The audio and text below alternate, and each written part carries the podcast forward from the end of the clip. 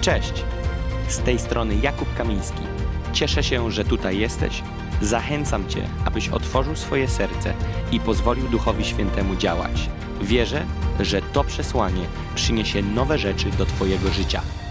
Jest coś takiego, ja to tak nazwałem, jak modlitwa bezradnego. Ok? I teraz nie żartuję, mówię na serio. Modlitwa bezradnego, bo wiecie, my tu wszystko sobie ładnie poukładaliśmy, poczytaliśmy słowo, wyciągnęliśmy 60 fragmentów słowa, poopowiadaliśmy, jak to trzeba rządzić, panować, rządy ustanawiać i tak dalej. Ale czasami się dojeżdża w życiu do takiego miejsca, że nie masz sił powieką ruszyć, a ty jeszcze masz walczyć. I wiecie, jest w tym wszystkim coś takiego, jak ja nazywam Boże ratuj. Boże ratuj, gdzie, gdzie nie ma miejsca na ten cały schemat, na te całe A, B, B, C, C, D, D, E.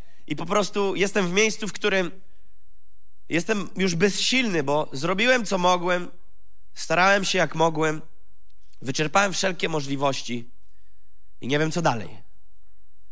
I leżysz gdzieś tam przygwożdżony i zastanawiasz się, kurczę, no zrobiłem więcej niż mogłem, dałem z siebie 100%, a dalej się ta ściana nie przesuwa. I zaczyna cię dociskać coraz bardziej, coraz bardziej, coraz bardziej i mówisz sobie, no nie wiem, nie wiem, co jeszcze mogę wymyśleć.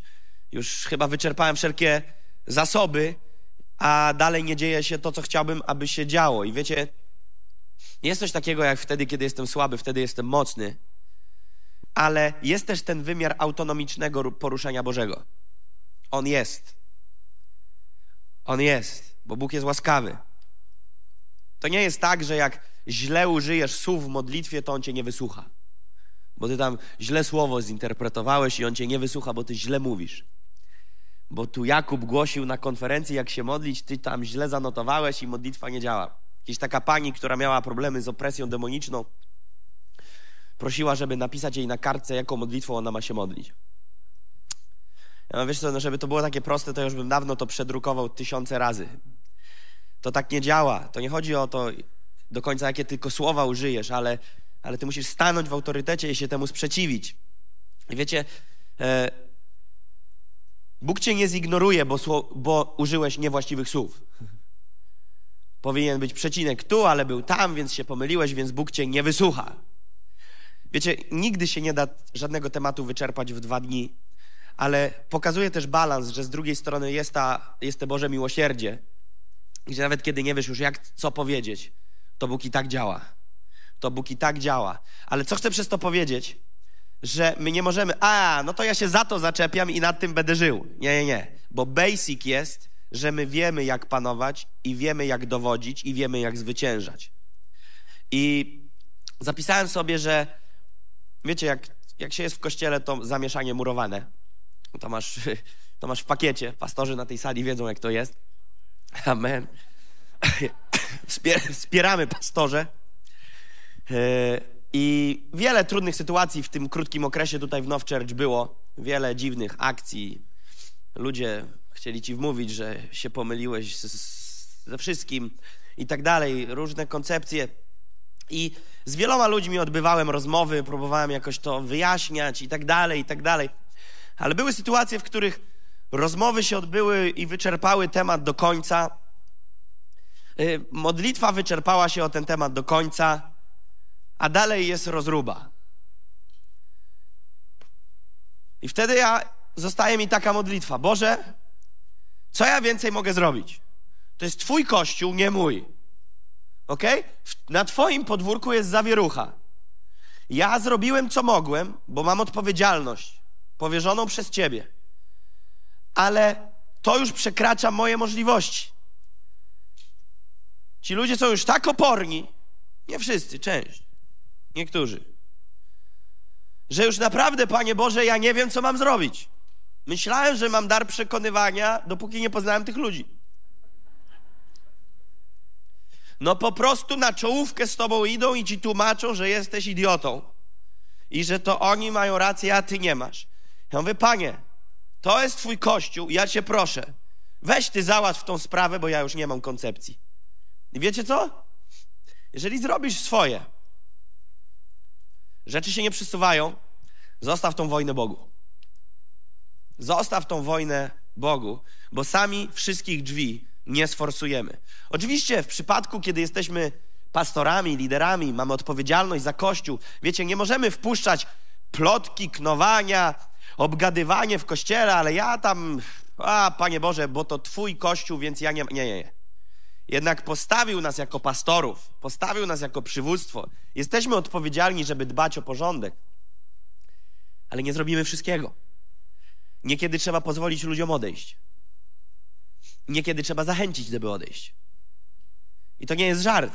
I to jest ta trudna rola, która jest, ale jest ten wymiar, kiedy mówisz, Boże, proszę Cię, zajmij się tym, bo ja już nie wiem, co dalej robić.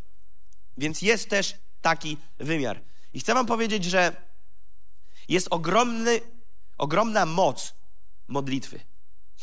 Teraz już przeskakuję do kolejnego elementu, dokańczam to, co było na sesji wcześniejszej i przeskoczymy na błogosławieństwo. Jest ogromna moc w modlitwie. Modlitwą można czynić cuda. Modlitwa ma tak potężną siłę rażenia, że często nie doceniamy, jak wielką siłę i wpływ ma modlitwa. Modlitwa ma ogromną siłę uderzenia. Nie wiem, czy kojarzycie takiego człowieka jak Jakub, syn Zebedeusza. Kojarzycie? Jakub, syn Zebedeusza. To jest jeden z pierwszych, których Jezus spotkał. I teraz posłuchajcie tego. Wynotowałem sobie kilka rzeczy o Jakubie. Ochrzczony Duchem Świętym w drugim rozdziale dziejów apostolskich. On tam był. Był na górze przemienienia z Jezusem i Piotrem. Piotr, Jakub i Jan. To jest trójka, która była bardzo blisko Jezusa. Jakub, pomyślcie o tym, co on widział na tej górze przemienienia. On widział przemienionego Jezusa i był świadkiem rozmowy Jezusa z Eliaszem i Mojżeszem. Posłuchajcie dalej.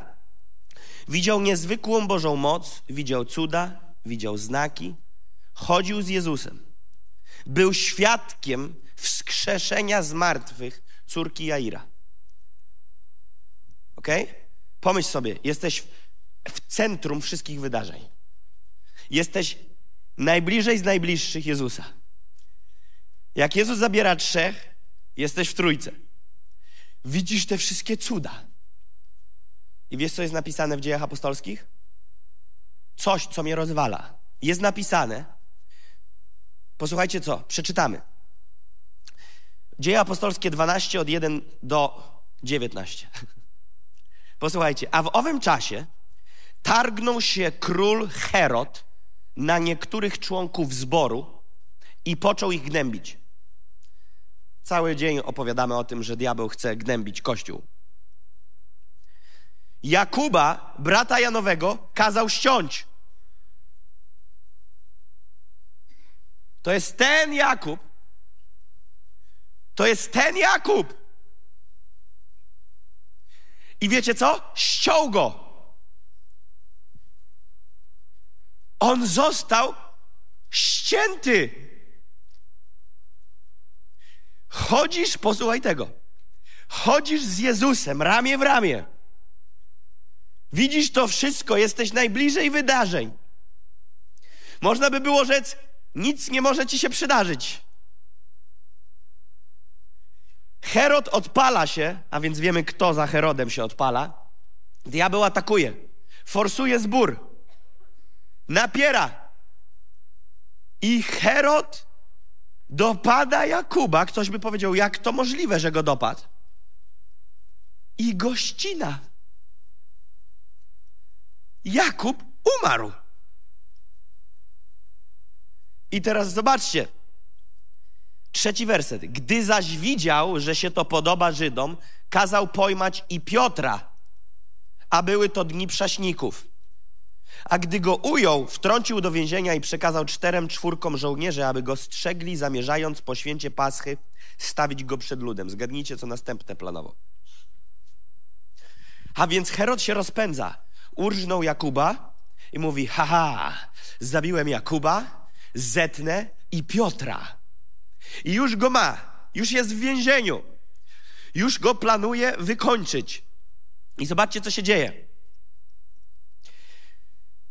A gdy go ujął, wtrącił do więzienia, to widzieliśmy. Piąty. Strzeżono tedy Piotra w więzieniu. Zbór zaś.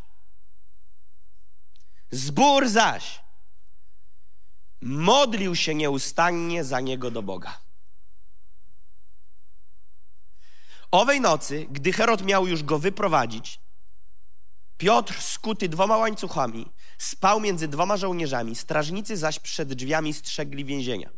Wtem zjawił się anioł pański i światłość zajaśniała w celi.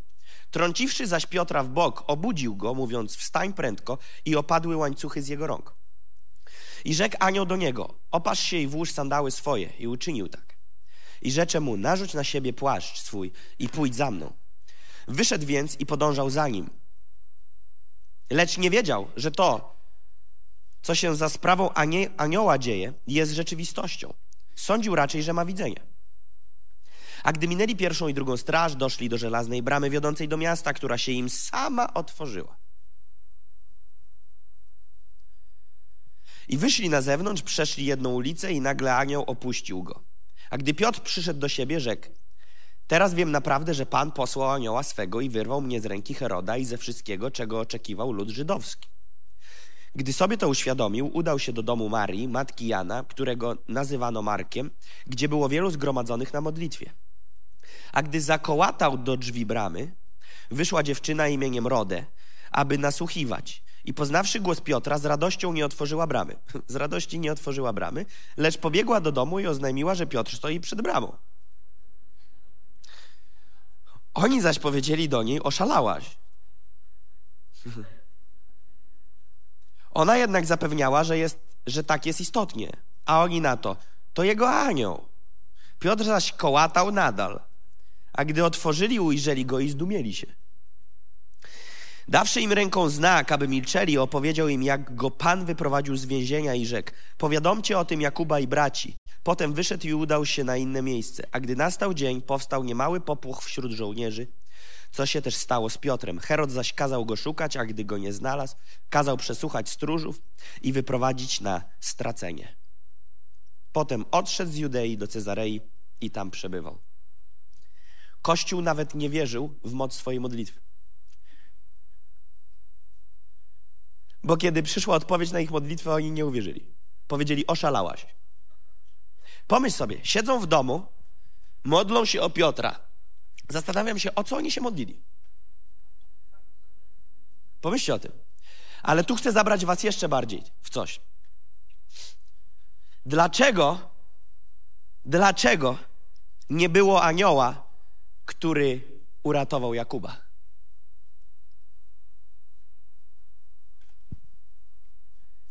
Bo Kościół nie rozumiał, jak potrzebna jest modlitwa o siebie nawzajem. I kiedy wycięli Jakuba, Kościół się zastanowił jeszcze raz, o co tu chodzi.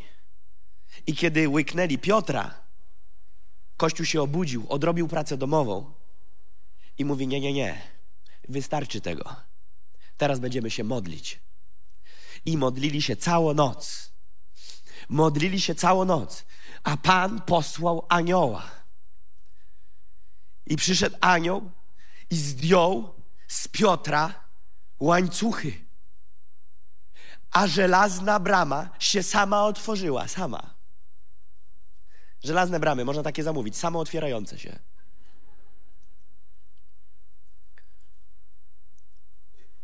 Zobaczcie, co wyzwoliło za splot wydarzeń modlitwa Kościoła. Modlitwa Kościoła który nie wie, co się dzieje w danym momencie, kiedy się modli. Oni nie wiedzą. Oni nie mają tam, o, teraz widzimy na ekranie duchowym, anioł wszedł do celi. Widzimy, jak cztery czwórki żołnierzy śpią i widzimy, jak łańcuchy spadają z rąk Piotra. Nie, oni nic, oni po prostu shandarabanda kerebere i lecieli tam. Nie wiedzieli do końca nawet w co wierzą, ale modlili się o Piotra.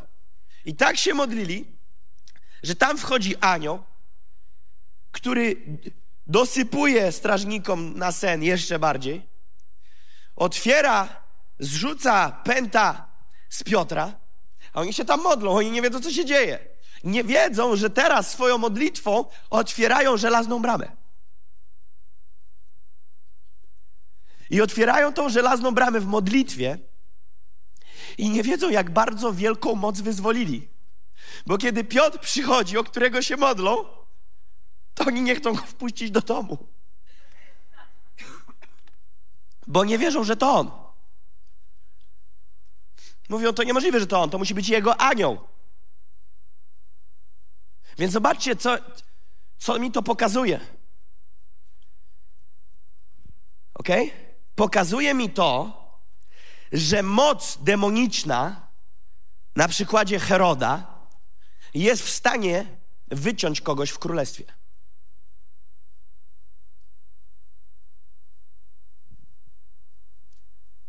Jakub został ścięty.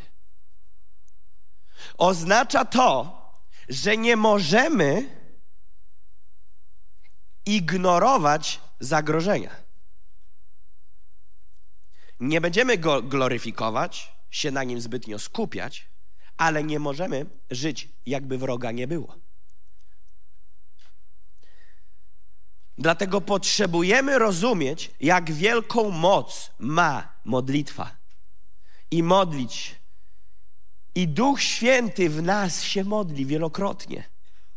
Mówiłem wam tą kiedyś historię, ale powiem ją jeszcze raz.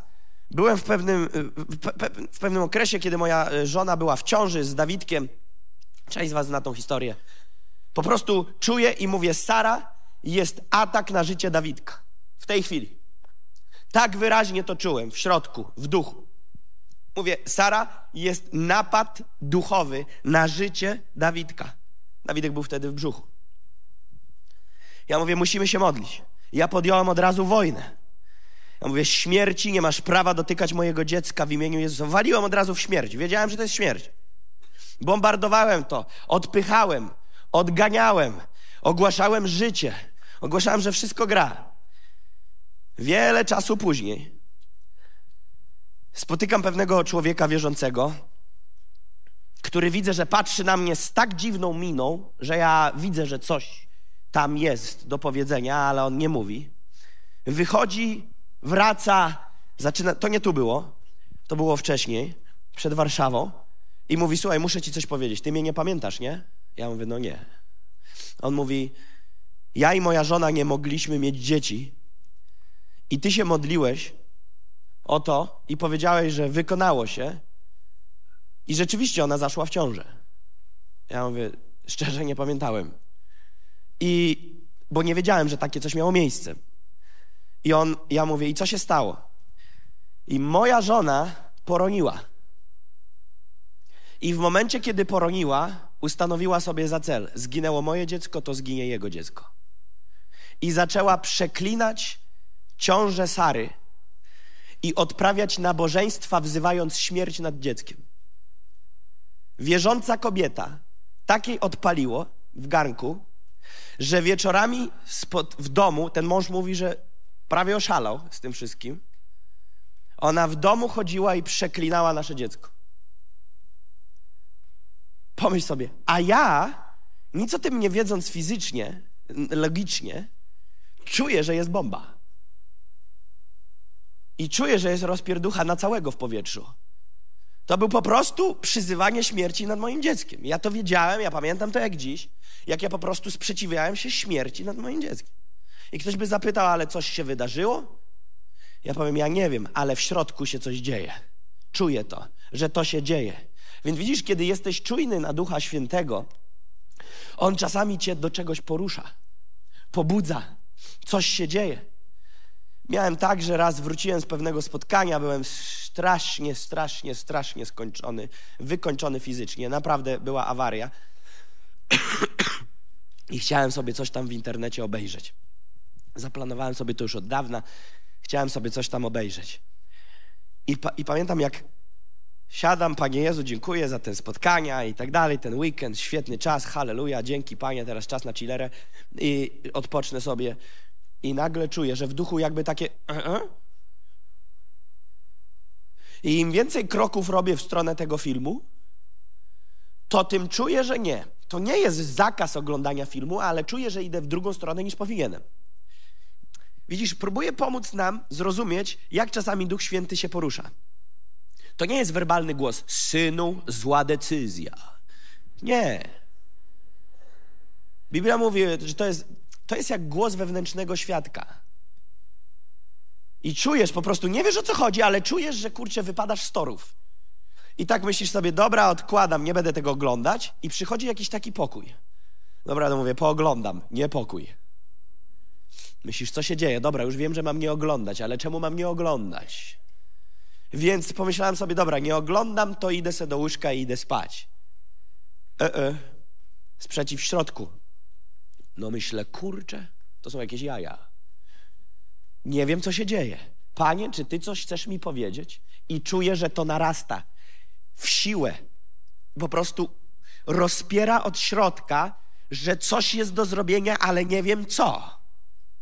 Więc jak nie wiem co, to zaczynam się modlić na językach. Bo modlitwa na językach to On modlący się we mnie. Więc zaczynam modlić się na językach i wiesz co nagle? Chodzę po pokoju hotelowym. Szato korederebene, surederebene. Czuję, że o coś walczę. Nie wiem o co chodzi, ale nawalam na bokserkach od lewej do prawej i wojuję. Nie wyglądam jak Efezjan 6 w zbroi Bożej. Wyglądam jak Adam w Edenie z przepaską, z listkami. I chodzę i nie wiem o co chodzi, ale o coś walczę. O coś walczę. I duch cię podnosi, dosłownie podbiera w górę. Chociuż. I nagle tak, nie wiesz o co, ale jedziesz. I nagle tak jakby Duch Święty cię przestawia w coś i nagle ty wiesz, o co się modlisz. I jest w tym siła, jest w tym napór, jest w tym moc, jest w tym namaszczenie i czujesz, że zmienia się czyjeś życie gdzieś tam tysiące kilometrów dalej. Że coś przesuwasz, otwierasz jakąś żelazną bramę. Otwierasz jakieś drzwi więzienia nad czyimś życiem. Nie raz, nie dwa i nie pięć. Miałem takie sytuacje, że cię podnosi od środka duch do modlitwy, porywa, później widzę twarz tej osoby, Trzy dni później wracasz, dowiadujesz się, że jest jakaś akcja, awaria, osoba mówi, słuchaj, u mnie masakra w weekend. Ja mówię, wiem. Jak to wiesz? Bo ja już od trzech dni się o ciebie modlę. O, dziękuję. No, fajnie, że dziękujesz, ale to nie ze mnie. Ja nawet nie wiedziałem. To Duch Święty mnie obudził. Więc widzisz, możesz nagle stać się trąbą modlitwy. Jak będziesz człowiekiem modlitwy i będziesz poddany Duchowi Świętemu, Możesz być niezwykłym narzędziem, niezwykłym narzędziem w rękach Ducha Świętego do tego, aby się modlić o różne rzeczy. Amen? A więc dotknęliśmy przez te dzisiejsze sesje zbawienia i ugruntowaliśmy się na tym zbawienia, jak się modlić o swoich bliskich, uzdrowienia, ochronę, ochronę myśli, pomoc w troskach. Ale uważam, bo jest wiele tych innych tematów, o których można by było działać, ale to są te takie tematy, które są potrzebne nam na co dzień, prawda? Zbawienie, diabeł ci przyjdzie, będzie wykradał, a nie, nie zasługujesz. Nie, jestem zbawiony z łaski raz i dziękuję. Wszedłem w przymierze i nikt nie może tego zmienić. Dziękuję.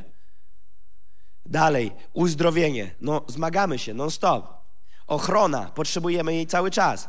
Chronione myśli. No cały czas bombarduje nas diabeł, więc potrzebujemy wiedzieć, jak chronić myśli. Pomoc w troskach. No non-stop jakieś troski nam spadają na plecy. I teraz zostają dwa tematy. Błogosławieństwo i drugi temat, który jest powiązany z tym, to finanse. Jak sozo, jak krzyż odnosi się do błogosławieństwa? Jak ten temat synostwa i dziedzictwa odnosi się do tego, że ja jestem błogosławiony? Czym jest w ogóle błogosławieństwo? Ja bym chciał, żeby jak najprościej, bo nie ma czasu grzebać się w hebrajskim, ale chciałbym powiedzieć tak. Błogosławieństwo, nazwę to naszym najbardziej, jak się da, prostym językiem. To jest niezwykła Boża przychylność, która działa nad Twoim życiem dosłownie w każdym aspekcie Twojego życia. Przychylność. Znacie takie teksty? Świat to nazywa w czepku urodzony. Cokolwiek nie zrobi, cokolwiek nie powie, wszystko się udaje. Człowiek loteria. Idź na loterię, postaw sześć numerków, na pewno w lotka trafisz szóstkę. Nie wiesz czemu, u niektórych ludzi Czego się nie dotknie? No kurczę działa. Jakoś tak się dzieje, że co nie zrobi, co nie stworzy, co nie powoła do działania, działa. A inni obok starają się, napierają, walczą, zabiegają, się nie dzieje. Widzisz, musimy zrozumieć, jak pływać na tej fali Bożej przychylności. Musimy umieć zejść się jedno i praca Twoich rąk to jedno, a Boża przychylność, która wieje w Twoje plecy, to drugie. Gdybyśmy mieli wszystko wyegzekwować pracą swoich własnych rąk, nie potrzeba tu żadnego Bożego błogosławieństwa. Działalibyśmy jak świat. A jest jednak wymiar tego, że Bóg uwalnia nade mną i nad Tobą błogosławieństwo. Zobaczcie, co jest napisane w pierwszym liście Pawła do Filipian. List świętego Pawła do Filipian 4,19. Mamy to? Mamy. A Bóg mój zaspokoi wszelką potrzebę Waszą według bogactwa swego w chwale. W kim? W Chrystusie Jezusie. Więc uwaga, mój Bóg chce i zrobi to, zaspokoi moją i Twoją wszelką potrzebę. W czym? W Chrystusie Jezusie. Znowu odniesienie do Jezusa Chrystusa, do dzieła krzyża, usynowienie i dziedzictwo. Poprzez to, że jestem synem i dziedzicem, mam możliwość, że mój Bóg ze względu na Jezusa zaspokoi moją wszelką potrzebę. Ciężko nam w to uwierzyć, ale tak jest. Bóg chce, jeżeli On jest dobrym ojcem, to nie wiem, czy wiesz, ale większą radość ma Jakub Kamiński z dania prezentu Dawidkowi niż Dawidek, który ten prezent otrzymuje. Jeśli myślisz, że Bóg to taki chłodny ojczym, zlodowaciała twarz, poker face i ty tam się modlisz, stękasz, mam potrzeby, Panie, masz. Zabieraj to. To dla ciebie. On chce bardziej niż ty. On chce bardziej niż ty. Zaspokoić wszelką potrzebę. Wszelką potrzebę według bogactwa swego w chwale. Jak myślisz, jakie to są źródła? Jakie to są zasoby? Według bogactwa swego w chwale. Nie masz takiej pojemności, żeby chwycić te zaopatrzenia. On chce tym, co ma, zaopatrzyć Twoją wszelką potrzebę. Zaraz się wyjaśni, idziemy dalej. List Jakuba 1,17. Wszelki datek dobry i wszelki dar doskonały stępuje z góry od Ojca Światłości. U Niego nie ma żadnej odmiany ani nawet chwilowego zaćmienia. Wszelki datek dobry i wszelki dar doskonały stępuje z góry tam, gdzie nie ma limitów. Stamtąd, skąd nie ma limitów, stępuje wszelki dobry dar. Zobaczcie, co jest napisane dalej. Piąta Mojżeszowa 8:18. Pamiętaj, że to Pan, Bóg Twój, daje Ci siłę do zdobywania bogactwa, aby potwierdzić swoje przymierze, które poprzysiąg Twoim ojcom, jak się to dziś okazuje. I teraz ci z Was, którzy ledwo wiążą koniec z końcem, mają pożyczone pieniądze, myślą sobie, no fajnie ci gadać. Fajnie ci gadać, Jakubku. Chyba nie rozumiesz, jakie są realia. Widzisz, ja chcę za realia wziąć to. Pamiętacie, co mówiliśmy? Nie będziemy dostosowywać słowa do mojego doświadczenia, ale chcemy się my chcieć dostosować do słowa. Czy zgodzimy się po tych trzech wersetach, że Bóg chce ci mi błogosławić? Jak myślisz? Tak na trochę czy serio? Okej, okay, no to czemu coś nie działa, jak On chce i ty chcesz? Widzisz, zaraz to się wszystko poukłada pięknie. Ale chcę, żebyście wiedzieli, jak u mnie to wyglądało. jak byłem przez pierwszy rok, nie dostałem ani złotówki, kiedy gdzieś jechałem. Widzicie, dzisiaj się patrzy na Jakuba, który jeździ po świecie, wygląda jakby z głodu nie umierał, prawdopodobnie jakieś finanse ma. Ok, ale nikt nie chce za bardzo słuchać mojej historii sprzed siedmiu lat. Jak się wszystko zaczęło. Jak nie miałem na bilet na PKS, żeby pojechać do miasta obok, gdzie byłem zaproszony, żeby głosić, powiedzieć świadectwo i nie dostać ani złotówki za bilet, ani złotówki na ofiarę. I pożyczałem przez rok pieniądze od moich rodziców, którzy kiedy przekroczyli kwotę 13 tysięcy złotych pożyczonych mi na jeżdżenie, powiedzieli: Słuchaj, skończmy to, bo my już nie mamy z czego pożyczać. Dogadaj się z Bogiem, chłopie, bo tak duży być nie może. Jeżeli jesteś powołany do służby pełnoetatowej, to dogadaj się z Bogiem. Ja wiedziałem, że jestem powołany do służby pełnoetatowej z Bogiem. Ale są takie chwile, kiedy musisz przejść pewien sezon. I pamiętam, jak miałem swój epizod czteromiesięczny w Stanach, niecały rok po nawróceniu, zostałem wysłany do Stanów Zjednoczonych. Tam wielka, wielki plan, wielka wizja. Tak mi przedstawili, że ja będę młodych sportowców uczył grać w piłkę, plus jeszcze będę im głosił Ewangelię. 400 dolarów tygodniowo mieli mi dać. Mieszkanie, wszystko było załatwione. Ja tam przyjeżdżam i po pierwszym tygodniu oni, rodzice mi pieniądze pożyczyli na bilet. Ja mówię, tata, oni mi cztery stówki w dolarach co tydzień będą dawać. Spokojnie, pożycz sianko, ja za chwilę się oddam. Bo Pan otwiera nowe drzwi do Stanów Zjednoczonych. Jacob z Gołdapi jedzie do Kalifornii. Drzwi się otworzyły. Nikt ich nie może zamknąć.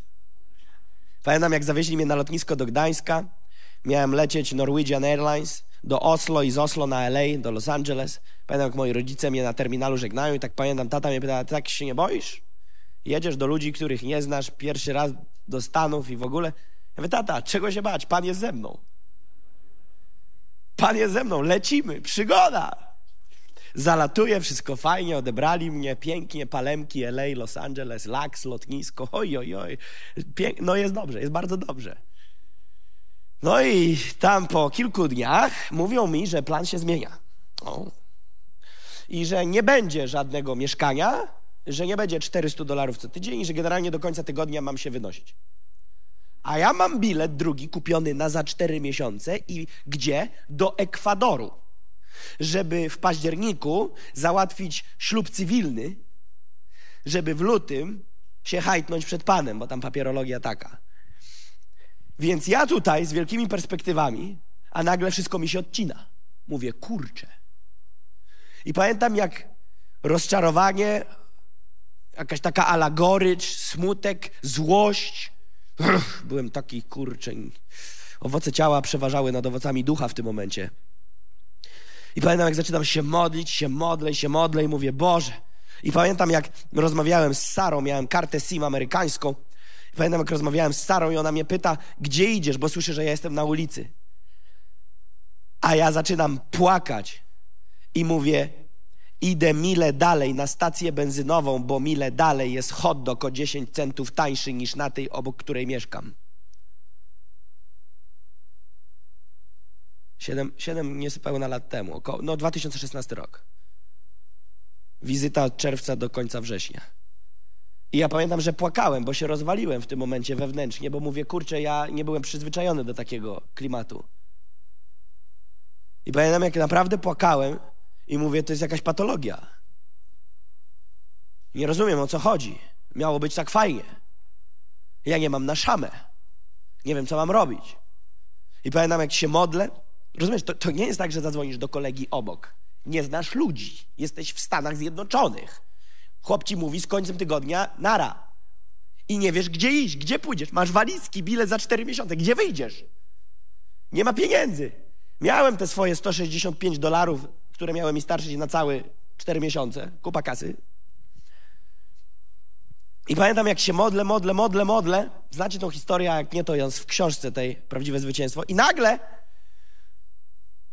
jakiś facet do mnie pisze wiadomość na Facebooku, że on chce się ze mną skontaktować, przyspieszając historię. Facet wyglądał na mojego dziadka slash pradziadka, jeżeli chodzi o kategorię wiekową.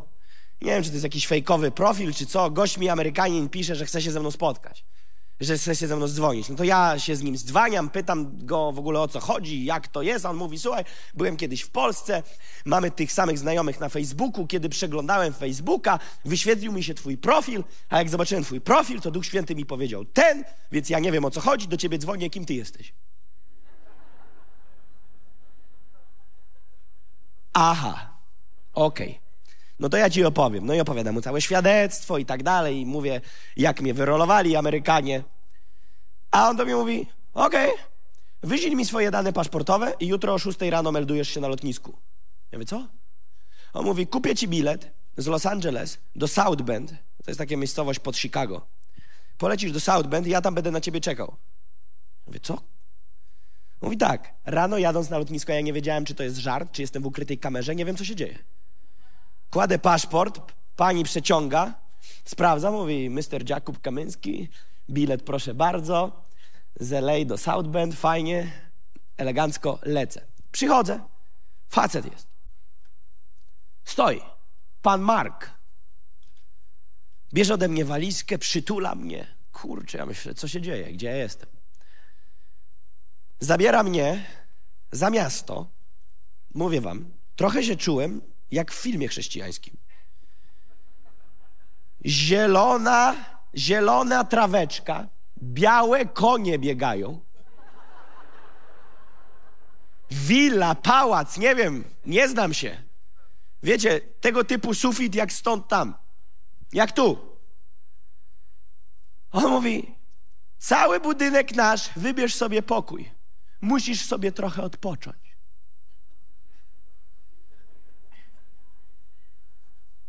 Ja nie ogarniam. Zamknąłem się w tym pokoju, w jednym z sypialni. Łóżko królewskie, wiecie, tam jakieś drewno zawijane na podparciu. Kurczę, mówię wam, nie mogłem się odnaleźć. I przychodzi nagle, puka do drzwi, wchodzi i wiecie co robi? Klęka przede mną. Zdejmuje mi skarpety i mówi: Czy mogę namaścić ci nogi? Ja jeszcze bardziej zaczynam przechodzić w nowe poziomy szoku. Wziął jakąś kremo oliwkę. Ja wstyd było, ale ja się dobrze czułem. To powiem wam, on to umiał.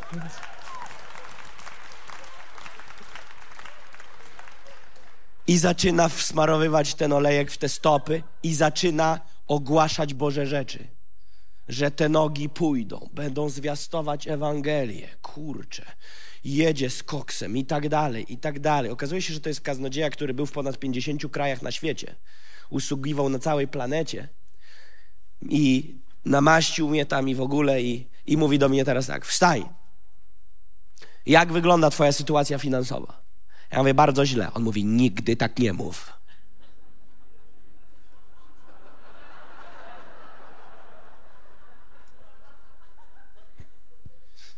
Mówi jeszcze raz, jak jest twoja sytuacja finansowa? Boże, mówię, nie wiem, kurczę, co powiedzieć. Nie wiem, co powiedzieć.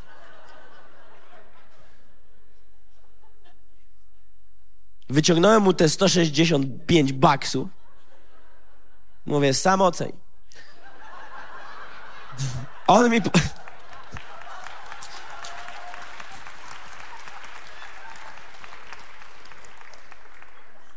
Słuchajcie tego. Mówi, nigdy nie używaj języka do stwierdzania faktu, jak jest źle, ale językiem kreuj twoje jutro. Wow. No to więc ja tak trochę jak wy, podjarany, a on mówi, spróbujemy jeszcze raz. Jaki jest twój stan finansowy? Ja mówię, wszystko jest na dobrej drodze. Serio tak było. I teraz on mówi, okej, okay, to daj te, daj te dolary. Ja mu daję, a on mówi, wiesz co to jest? Ja mówię, dolary. On mówi, nie. Mówi, to są ziarna. To są ziarna. Mówi, my tu w Stanach mamy coś takiego jak Pentecostal Handshake, czyli takie dosłownie tłumacząc na polski zielonoświątkowe potrzęsienie ręki, czyli takie przywitanie zielonoświątkowe. Tłumaczył mi, że pole, polega to na tym, że wkładasz sobie zwinięty banknot w dłoń i wybierasz sobie osobę, którą chcesz ubłogosławić i podchodzisz i mówisz, oh, God bless you, dear brother i dajesz mu hello i wypuszczasz banknot w ręku. I to jest ten Pentecostal handshake, te zielone świątkowe przywitanie. I tak się błogosławisz. On mówi, słuchaj, będziemy szli na konferencję. Będzie 18 tysięcy ludzi. Na tej konferencji musisz zdecydować, gdzie będziesz siał. Możesz siać na korytarzu w ludzi, możesz siać w wiaderka. Ja mówię, a ile ja mam siać? A on mówi, a ile chcesz zabrać? Taka gadka. Nie żartuję wam. 2016 rok, białe konie za oknami. No mówię wam, kosmos. Ja nie wiem, co się dzieje.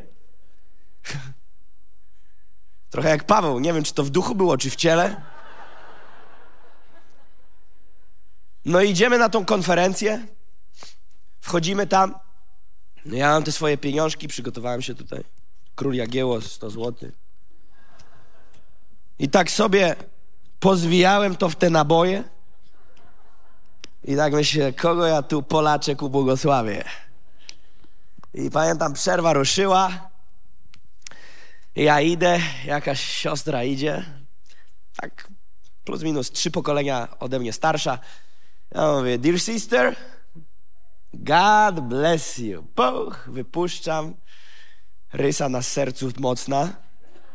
Idę dalej, pach, idę dalej, pach. Kieszonki puste, nie ma nic. Wracamy na sesję. Ofiarę robią. Ja, I on mówi do mnie, ofiara. Ja mówię, ja nie mam, wszystko rozdałem. On mówi, nie możesz nie dojść do ofiary. Jak ofiara jest, musisz w niej uczestniczyć. Ja mówię, ja nie mam pieniędzy. On mówi, psz, otwiera swój portfel, daje mi swoje dolary i mówi, teraz moje ziarno nie jest, on tak naprawdę mnie tak uczył. Teraz te ziarno nie jest już więcej moim ziarnem, staje się Twoim ziarnem.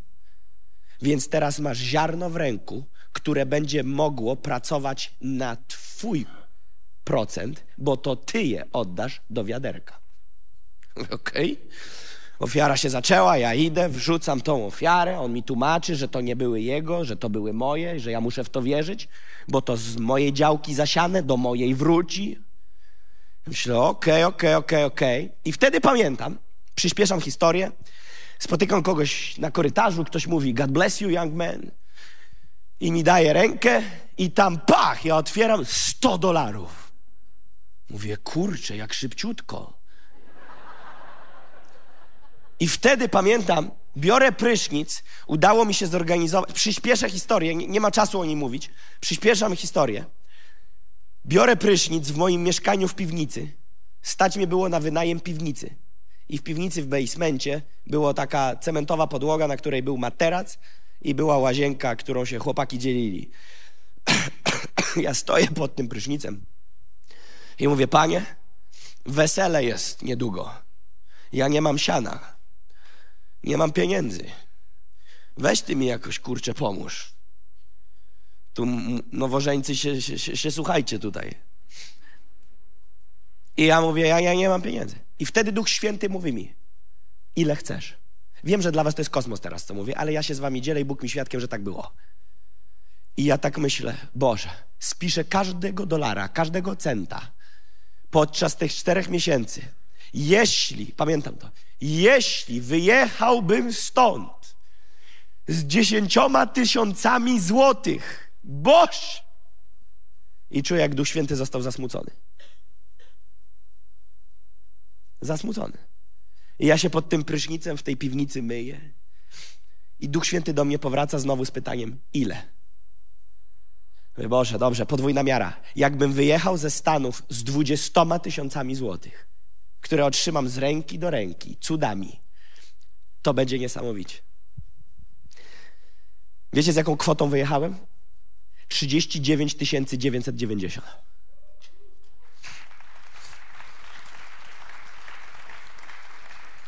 Trzydzieści dziewięć tysięcy dziewięćset dziewięćdziesiąt złotych. Z taką kwotą wyjechałem. Bóg mi wyraźnie pokazał, nie proś mnie o małe rzeczy. Nie proś mnie o małe rzeczy. Proś mnie o wielkie rzeczy. Nie bój się wielce marzyć. I zobaczcie, co jest napisane w Biblii. W pierwszej księdze Mojżeszowej 39:1-5. Józef został przyprowadzony do Egiptu, a Potyfar, dworzanin faraona, dowódca straży przybocznej, Egipcjanin, kupił go od Ismaelitów, którzy go tam przywiedli. A Pan był z Józefem, tak że wiodło mu się dobrze. I przebywał w domu Pana swego Egipcjanina. Pan jego widział, iż Bóg jest z nim i sprawia, iż we wszystkim, co czyni, ma powodzenie. To jest bardzo ważne. Kto to sprawił?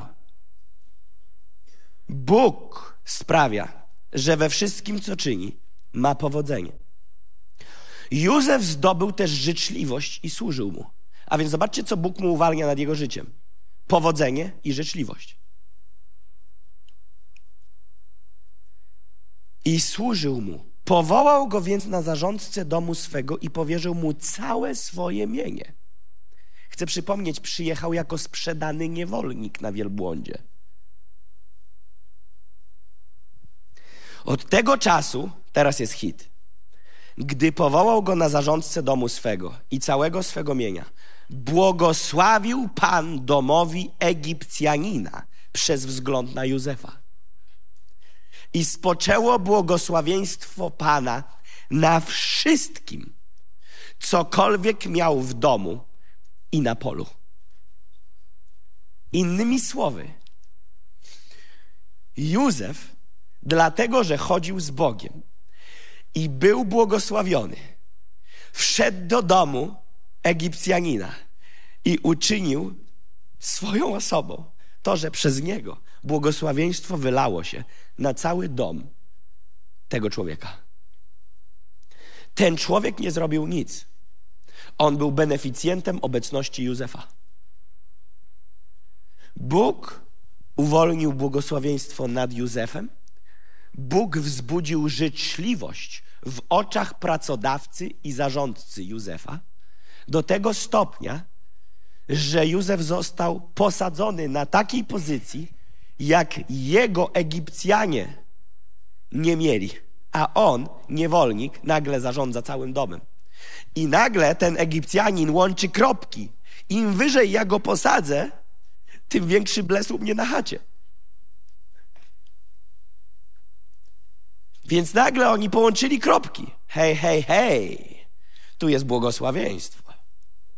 Na polu jest błogosławieństwo. Wiesz, co to znaczy błogosławieństwo? To znaczy, że marchewki były większe niż marchewka sąsiada. To znaczy, że kartofli było więcej niż u Pawlaka. To znaczy, że winogronka były w większych rozmiarach. To znaczy, że było owocowanie. Było owocowanie, było jedzenie, było jedzenie, był handel, był handel, były finanse, był, były finanse, była obfitość. Nagle Józef wprowadza błogosławieństwo. Dlaczego? Bo sam był błogosławiony. Ale zobaczcie, jaką on ma postawę. Nie wkurzył się na braci. Zobaczcie to. Ludzie modlą się. I to, to uważam, uważam, że nie możemy pominąć takich faktów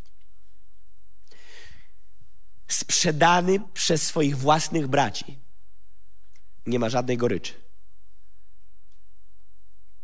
Wybacza. Na jakimkolwiek stacji życia nie postawili go, on tam wiernie służy. Widzisz, do błogosławieństwa musisz się dobrze ustawić. Nie możesz być opornikiem, pyszałkiem, takim arogantem i przyzywać Boże błogosławieństwo. Nie wiem, czy to idzie w parze. Biblia mówi, że Bóg się pysznym sprzeciwia, a pokornym łaskę daje. Ale mocniejsza historia jest w pierwszej Mojżeszowej 30. Nie otwierajmy jeszcze. Tam jest historia Labana. Pamiętacie Labana? Laban miał dwie córki. Kto pamięta imię? Lea i Lea i Rachela. Laban ma dwie córeczki, Lea i Rache, Rachele. I tam pojawia się człowiek, który ma na imię Jakub. I Jakub zakochuje się w Racheli. I mówi do Labana, posłuchaj Laban, daj mi Rachelę za żonę. A Laban mówi do Jakuba, popracuj 7 lat dla mnie, to dostaniesz Rachelę. I wiecie, co jest napisane? Pracował 7 lat. Służył Labanowi. Jest napisane, że tak dobrze mu się służyło, że minęło to jak kilka dni. Tak jest napisane. I teraz uwaga. Nagle jest impreza weselna, ciemno się robi. Ja wiem, że to dla nas jest nie do pomyślenia, ale tak było w tamtych czasach. I ojciec Laban w nocy przyprowadza do Jakuba córkę.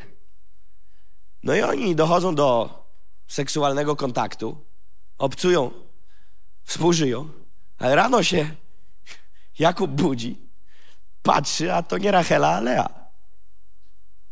Mówi, co to kurczę się dzieje? Przychodzi i aferę robi, mówi, ty, co, co, co, co ty wymyśliłeś, Laban? Co, co ty zrobiłeś? Chłopie, no ja spałem, spałem z Leą, a przecież miała być Rachela. No widzisz, bo tutaj się starszy nie wydaje, zanim młodszy. Tak, no. A mówi, ale słuchaj, się nie tak umawialiśmy. Mówi, słuchaj, ja ci dam Rachelę, jak ty się jeszcze jedną siódemką wykażesz. Zrób jeszcze jedne siedem lat. Wyobraźcie to sobie? Przecież już się normalnie krwawica uruchamia. Gdzie jest ta skrzynka? A wiecie, co jest napisane? Że on to wziął i służył. Bez żadnej urazy. Wiernie służył. Kolejne siedem lat. I wiecie, co się dzieje? Teraz otwórzmy. Pierwsza Mojżeszowa 30 od 27 do 30.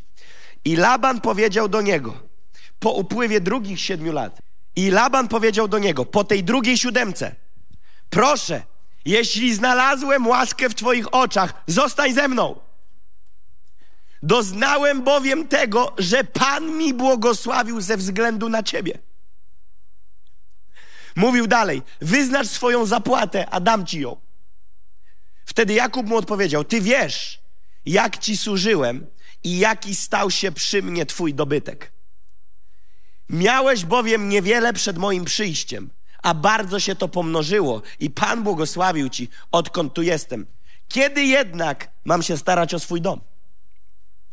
Laban po 14 latach mówi tak, kurczę, jak się chłop wyniesie, to i bles się wyniesie, błogosławieństwo wyjdzie. Więc ile chcesz? Ja ci zapłacę. Zostań, bo jak ty będziesz, to błogosławieństwo będzie. Mówię, nie, nie, nie, słuchaj, ty wiesz, jak ja ci służyłem i ty dobrze wiesz, skąd ty masz te błogosławieństwo. Bo to ja tu byłem. Ale mój czas się tu skończył, ja teraz idę na swoje. O czym ja tu mówię w tych dwóch historiach? Po pierwsze, niekiedy w życiu, w większości, w większości, w większości nas, jesteśmy beneficjentami tacy jak Laban, ponieważ gdzieś Bóg umiejscowił nas z jakimś Jakubem. Pomyśl o tym. Czasami nie łączymy kropek, że dlatego, że jesteśmy we właściwych połączeniach z kimś, spływa na nas Boże błogosławieństwo. Ale niekiedy poprzez to, że jesteś wierny i Bóg cię podnosi, stajesz się Jakubem. Stajesz się Jakubem. I nagle ludzie przy tobie prosperują. Nagle nie wiesz o co chodzi, nie wiesz jak to jest. Ja też nie wiem wszystkiego, ale nagle ktoś się o coś pomodli nad Twoim życiem, o coś pobłogosławi, ty i to się dzieje. Powiem Wam zabawną historię. Mój znajomy powiedział: Lecę do tam jakiegoś kraju. A ja przez telefon mówię mu tak: Bracie, życzę ci, żebyś leciał w biznes klasie. A mówi: Słuchaj, ja już właśnie wchodzę na pokład, przeszedłem przez odprawę, mam kartę pokładową, karta jest w ekonomii. Ja modlę się, żebyś dostał biznes. Koniec. Gość mi wysyła za 10 minut zdjęcie nowej karty pokładowej. Stewardessa do niego przyszła i powiedziała, że mają nową kartę pokładową i przesadzają go do biznesu. Ja byłem bardziej szczęśliwy od niego. I wiecie, co się stało? Drugi raz z innym człowiekiem to powtórzyłem i to się stało. Przesadzili gościa z eko do biznesu na międzykontynentalnym locie. Ja myślę, kurczę, jest jakiś power w tej modlitwie.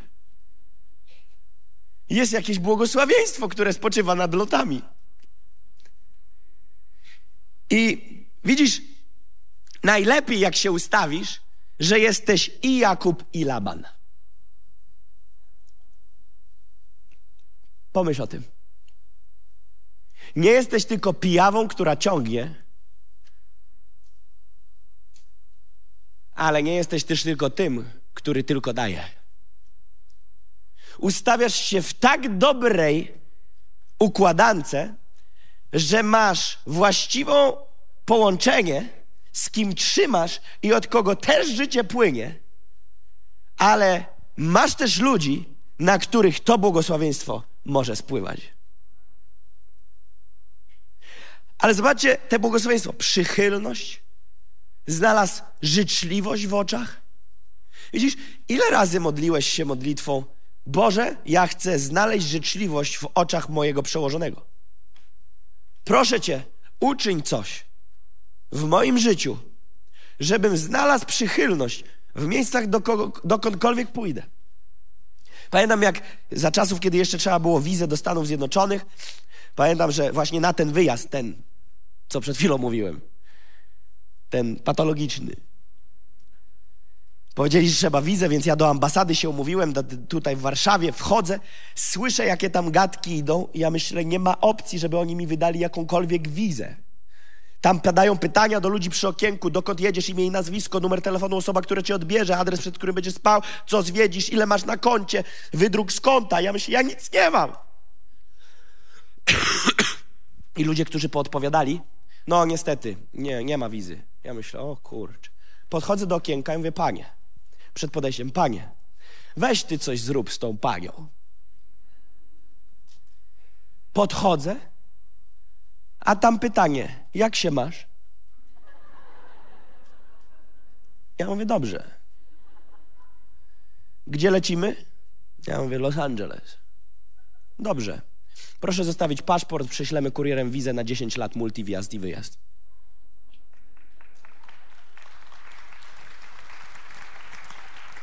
Okej. Okay.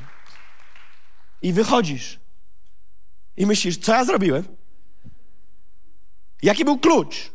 Była jakaś przychylność. A kiedy w tych Stanach byłem, tam właśnie wtedy, i była taka pralnia, i ja do tej pralni zawiosłem rzeczy, bo później na budowie, gdzie sprzątałem strzykawki po narkotykach, po heroinie, e, długa historia, w książce jest, to była moja praca. I zbierałem te strzykaweczki i tak dalej. A w weekendy głosiłem, w dziesięciu kościołach amerykańskich głosiłem. Zaniosłem do pralni moje ciuchy, bo no byłem kaznodzieja przecież, żeby mi wyprali te koszule. I pamiętam, jak stoję w kolejce i tam wyglądało to tak. Wydawali ci paragon wcześniej na wizycie, jak to zostawiałeś i teraz przy odbiorze kładłeś paragonik i kwotę, na którą trzeba zapłacić za te pranie. Następny paragon, kwota, odbierasz rzeczy. Kolejna osoba kładzie paragon, kładzie pieniądze na równowartość tego, co na paragonie, ewentualna reszta, pani wydaje ciuchy, out. A ja mówię, panie, ja dziś nie płacę. Tak po prostu, zacząłem sobie fisiować z Bogiem. I wiecie, co się dzieje? Jeden po jeden, jak maszyna, kobieta wydaje. I podchodzi do mnie, ja kładę paragon, a ona tak na mnie patrzy i mówi, a ty nie płacisz. A ty nie płacisz. I nie zapłaciłem. Idę do fryzjera, obok tej pralni. Wchodzę tam, siadam na fotelu i pada pytanie: Co robisz w Stanach Zjednoczonych? Dobrze, urodziłem się w Gołdapi, w rodzinie pastorskiej, cała historia i tak dalej. Generalnie przebudzenie u fryzjera. Wszyscy się nawrócili, pani została uzdrowiona, to jest na YouTubie, możecie znaleźć. Na moim kanale Jakub Kamiński, jedno z najstarszych filmów jest u fryzjera. Strzyżenie za darmo. Nikt ode mnie mówi, pieniędzy nie weźmie. A czy twój Bóg może uzdrowić mój palec? Ja mówię, mój Bóg może wszystko. Mój Bóg może wszystko. Wiecie, nie byłem pewien, czy się uda. Ale wiem, co może mój Bóg. Więc modlę się. I tak jakoś bywa, że w terenie te cuda się dzieją. I pani została uzdrowiona. I facet się tam, facet się tam siedzi gdzieś i, i, i wstaje i mówi do niej tak. Moja żona, ateistka, mieszka tu niedaleko. Możesz pójść ze mną do niej? A wie, idziemy.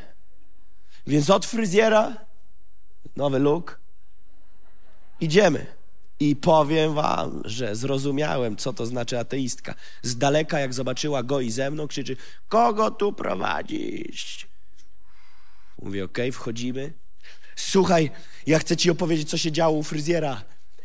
Ona, nie wierzę ci. I tam różne historie.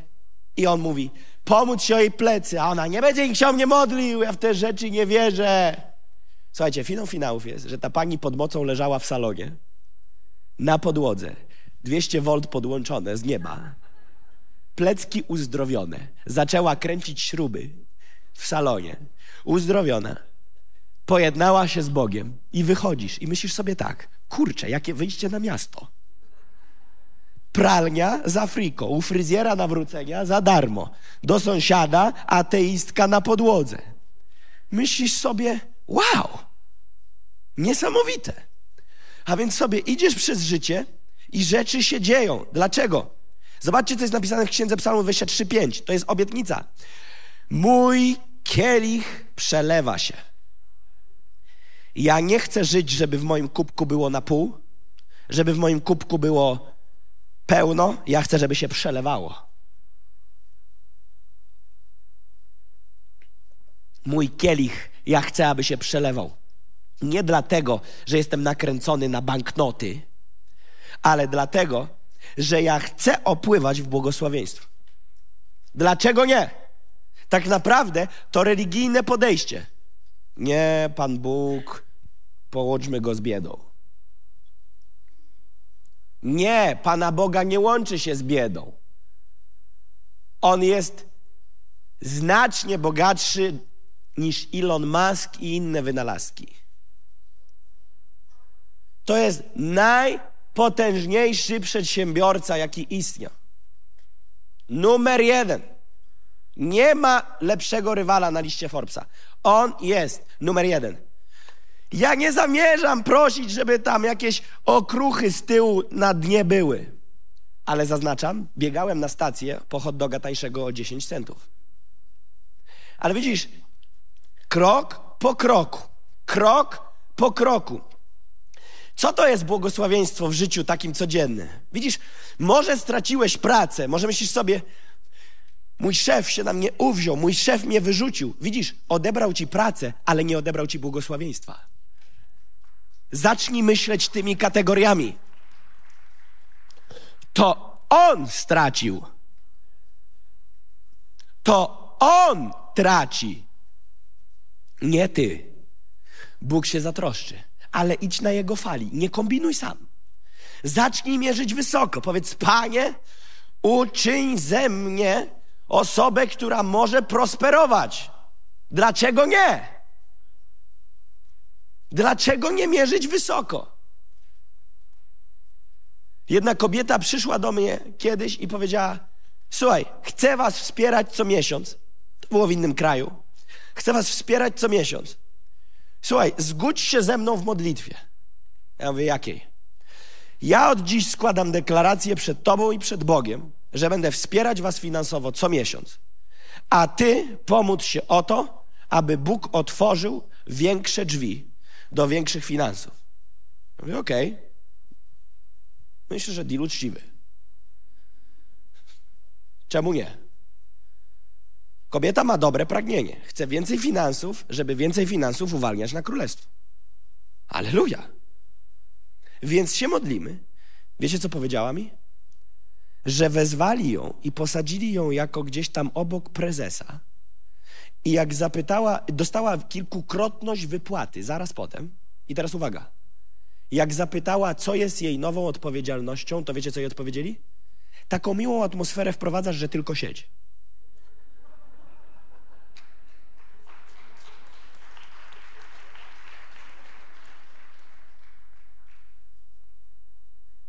Jak Ty jesteś, to raźnie w pokoju. Błogosławieństwo. Jak Ty jesteś, to jest raźnie w pokoju. I zapłacili kilka razy więcej co miesiąc. Ona mówi, ja nie wiem, co mam odpowiedzieć, bo, ja, bo ja, ja, nie, ja, jakby ktoś mnie zapytał, co ja robię, ja nie wiem. Jestem.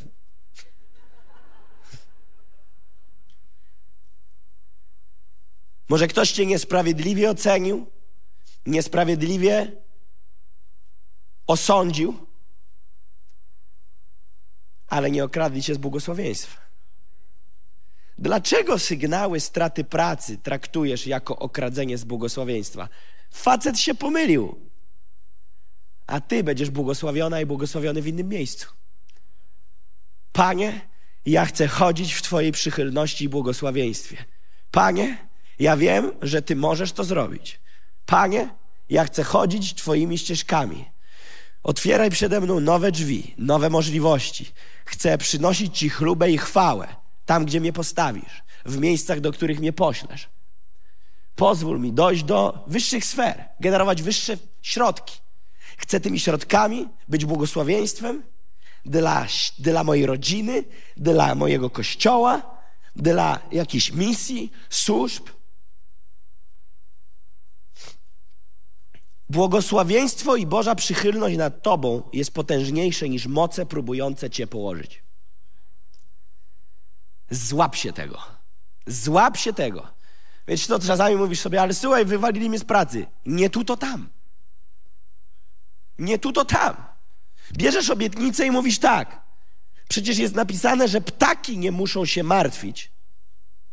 To ja chyba coś więcej znaczę niż ptak. I wiesz, co się przełączasz? Panie, ty zaopatrzysz. Ja wierzę, że ty zaopatrzysz. Że ty zaopatrzysz.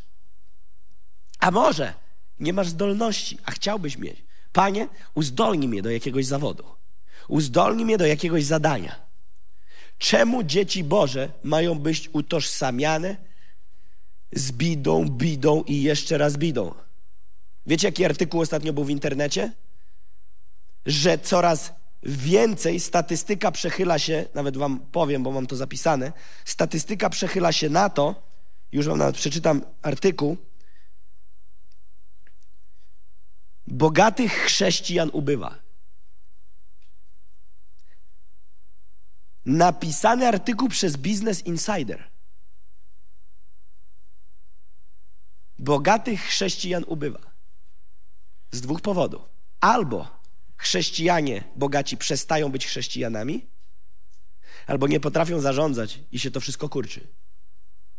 Dlaczego ma tak być? Dlaczego nie możemy mierzyć wysoko? Dlaczego nie możemy prosić o wiele? Wiecie, co powiedziałem Bogu? To się dzieje już dziś.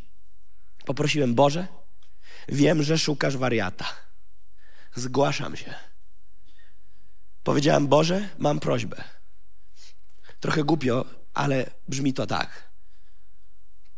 Otwórz mi drzwi, daj mi możliwości, ludzi i zasoby i finanse, a zrobię niezłą zawieruchę dla Ciebie. A zrobię niezłą zawieruchę dla Ciebie.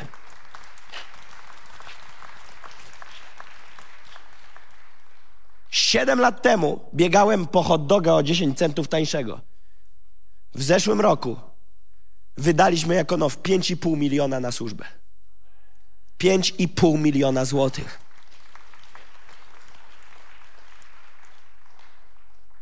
To jest niesamowite, jak Bóg błogosławi. Ale widzisz, jestem już prawie na końcu. Błogosławieństwo finansowe, ja może kiedyś zmienię swoje podejście do tematu. Moje jest na dzień dzisiejszy takie. Błogosławieństwo finansowe jest warunkowe.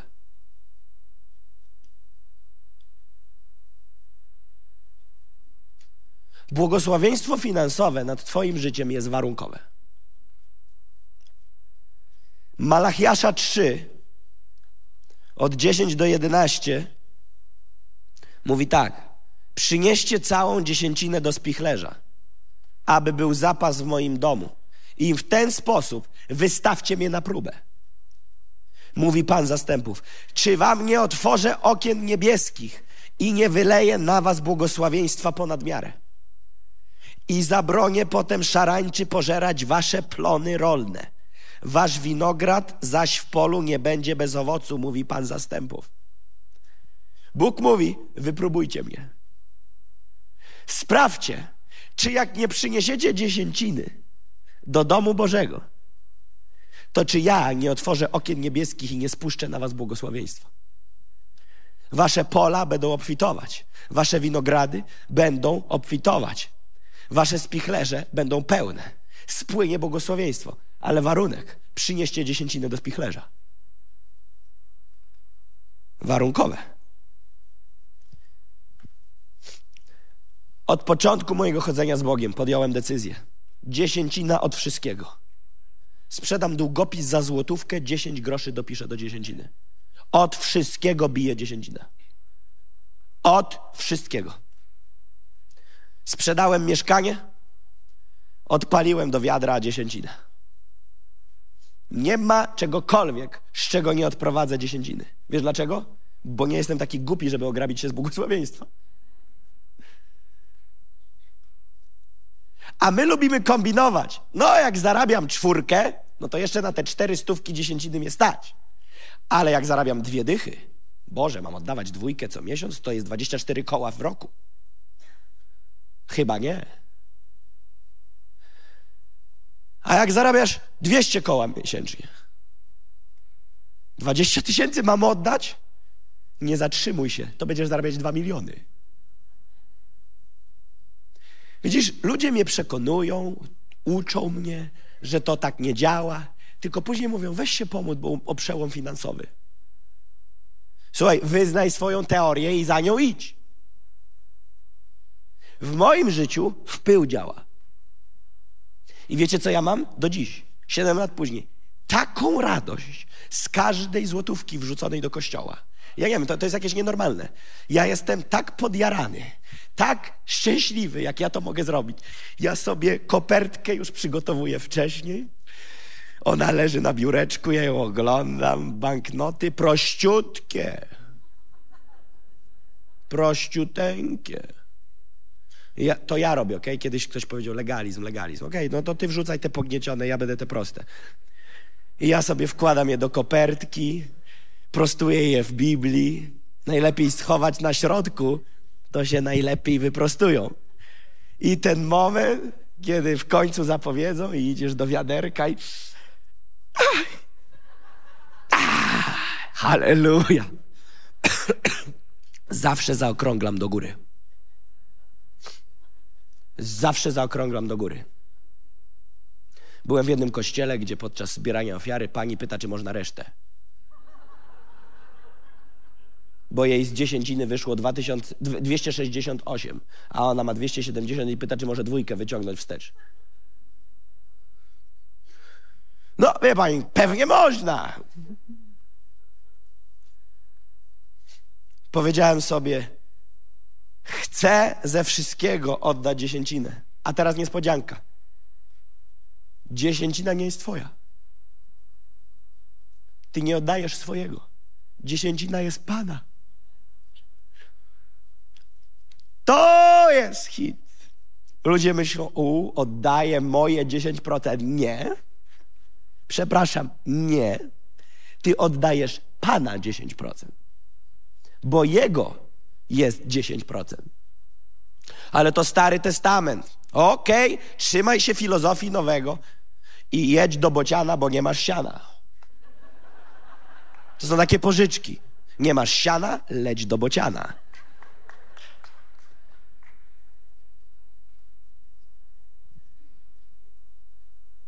I teraz powiesz sobie, ale zaraz, zaraz. Ja daję dziesięcinę, ja wierny jestem w dziesięcinie, a dalej jestem okradziony. No to wal skrzynką rabusia po zębach. Wal go, bo on cię okrada. Nie może tak być. Nie może tak być. Diable, nie masz prawa mnie okradać. Wiecznie jakaś akcja. Jak już wyjdziesz na prostą, to na hulajnodze elektrycznej trzepniesz Mercedesa na parkingu i kurczę, trzeba zapłacić 10 koła za zderzak panu Bonzowi w koszulce Lacosta. Już wszystko było dobrze, pospłacałem długi bam w Mercedesa. Już wszystko było dobrze, okno wywaliło w mieszkaniu. Kurczę, wicher wywiał okno. Już wszystko było dobrze, Ha, w samochodzie poszło. To, tamto, siamto. Luź. Zima idzie, zapomniałem, że jestem na letnich, nie mam zimowych. Boż. Nie mam za co kupić zimowych. Kurczę, nie zgadza się na to. Ja rozumiem, że jest sezon, że czasami jest ciężko, ale wydaj temu wojnę, nie może tak być. To nawet źle brzmi. Tata multi największy, a my bida. To znaczy, że coś z przepływem dziedzictwa nie idzie. Coś się zacięło. Coś się zacięło, coś się przytkało. Ja powiedziałem, panie, ja chcę zająć się twoją sprawą. Chcę zająć się twoim królestwem. Będę biegł na maksa. Nie starczy mi doby. Ale panie, zajmij się moim domem. Zajmij się moimi finansami. Panie, to nie jest lista życzeń, ale jeśli mogę prosić, to chciałbym mieć regularnie minimum raz w roku wakacje i nie szukać, gdzie o 30 zł taniej. Jak już gdzieś wybiorę, to chciałbym tam pojechać. Panie, chciałbym bardzo móc jechać z całą rodziną, a nie tylko z, kolegą. Chciałbym mieć budżet na całą familię. Jak trzeba kupić dzieciakom bucia, buty, bo rośnie noga, to chciałbym kupić i nie polować, kiedy, w jakim miesiącu jest 6% przeceny tylko chcę wejść i kupić, bo nie mam czasu polować na, na sklepach, kiedy jest promka. Panie, ja zajmę się Twoją, Ty zajmij się moją. Tak samo powiedział Smith Wigglesworth. Znacie tego gościa, który wskrzesił żonę z martwych i tak dalej? No, nie będę go wprowadzał. On był hydraulikiem, rzucił robotę dla Ewangelii. On zawsze lubił być dobrze ubrany i, za, i, i w końcu mu nie starczało pieniędzy i on powiedział do Boga tak, Boże, ja nie zostawiłem tego, żeby teraz bida piszczała. Zaopatrz się, zaopatrz mnie, a ja zajmę się Twoją sprawą i nigdy nie będę myślał o powrocie do hydraulika. I Bóg zaczął błogosławić. Kiedy ostatni raz z wiarą, odwagą mówiłeś, Boże, uwolnij nade mną błogosławieństwo finansowe. Sieję moje finanse, daję moją dziesięcinę, błogosławię jak mogę uwolni nade mną błogosławieństwo. Przypowieści Salomona 3, 9, 10, dwa ostatnie fragmenty i się modlimy. Przypowieści Salomona 3 od 9 do 10. Czcij Pana darami ze swojego mienia i z pierwocin wszystkich swoich plonów. I będą Twoje stodoły wypełnione ponad miarę. A Twoje prasy opływać będą w moszcz. Czcij Pana darami ze swojego mienia i z pierwocin wszystkich swoich plonów. Najlepsze pierwsze dla Pana. I jak to robisz, to wtedy Twoje stodoły będą wypełnione ponad miarę. Wtedy. To nie może być pusta modlitwa. Panie, ja ogłaszam, że moje stodoły będą wypełnione. Nie, nie. To są następstwa.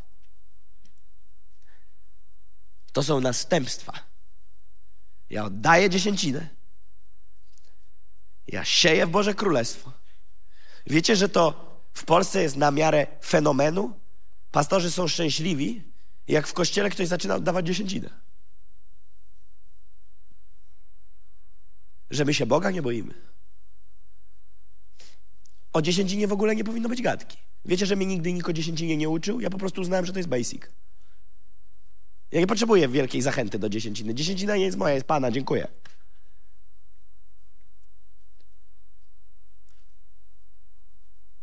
I drugi list świętego Pawła do Koryntian 9 od 6 do 8.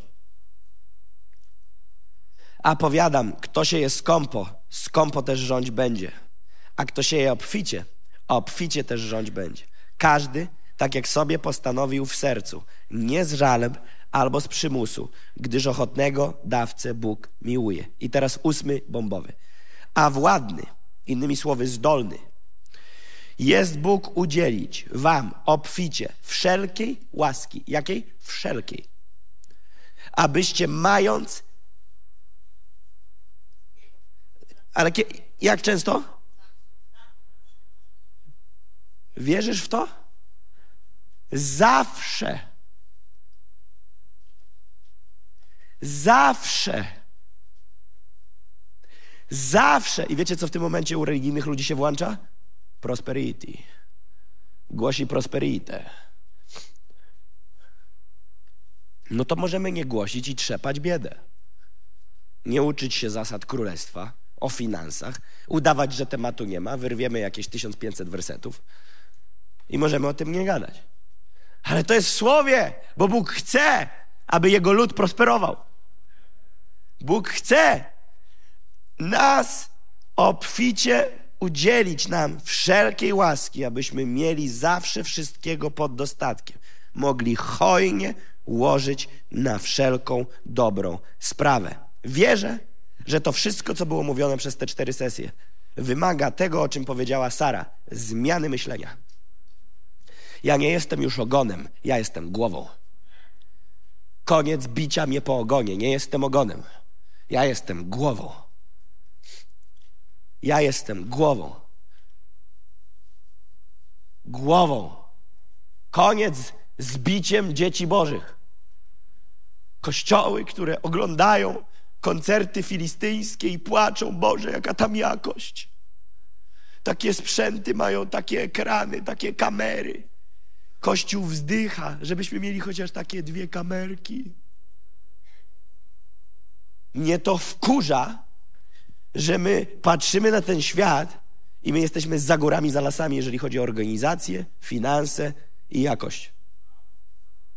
Wkurza mnie to. Wkurzyło mnie to, jak ostatnio Rihanna grała koncert. Tak mnie to wkurzyło. Wiecie dlaczego? Wkurzyło mnie to aż tak bardzo, że rzucę pulpitem. Wiecie, co zrobili? To jest kurczę niewiarygodne. Na stadionie, wielkim, potężnym stadionie. Wyobraźcie sobie, że ta sala to skalowanie mniejsze i że to jest stadion. Oni z rogów stadionu z linami podłączyli na środku, na wysokości górnej trybuny, taką platformę,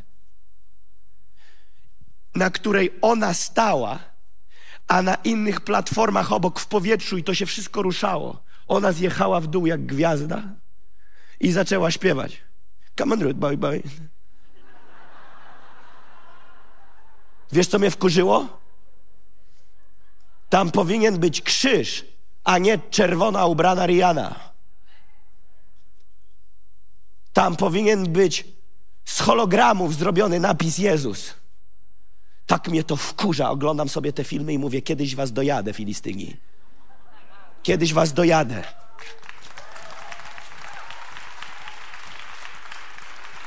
Miliony wywalają. Miliony. Oh, take it, take it. Co to w ogóle jest? Co to proklamuje? To jest ohydne. Wiesz, co znaczy take it? Weź to. I wszyscy się patrzą, jak tyłkiem ktoś rusza i krzyczy: weź to, weź to. Trzeba z tym skończyć. Trzeba to przebić. Trzeba to przebić. Kościół musi wrócić do swojego miejsca autorytetu, wpływu, gdzie się najwięksi władcy tego świata będą trzęśli, kiedy chrześcijanie coś postanowią że faraon myśli sobie, że będzie tam jakiś błąd statystyczny. Nie, nie, nie. Mojżesz wchodzi i będziesz ze mną gadał, faraonie, bo ja tu będę rozdawał karty dziś. To, co Sara powiedziała, będziesz dla niego jak Bóg. Największy władca największego imperium, faraon, musiał ulec, poddać się, poddać się. poddać się. Nie chcę więcej myśleć, marzyć, jak tu wielce wskrzeszać umarły Kościół. Czas otrząsnąć się z tego prochu miernoty, wstać i powiedzieć: Nowa era idzie. Nowa era idzie. Idzie nowa era.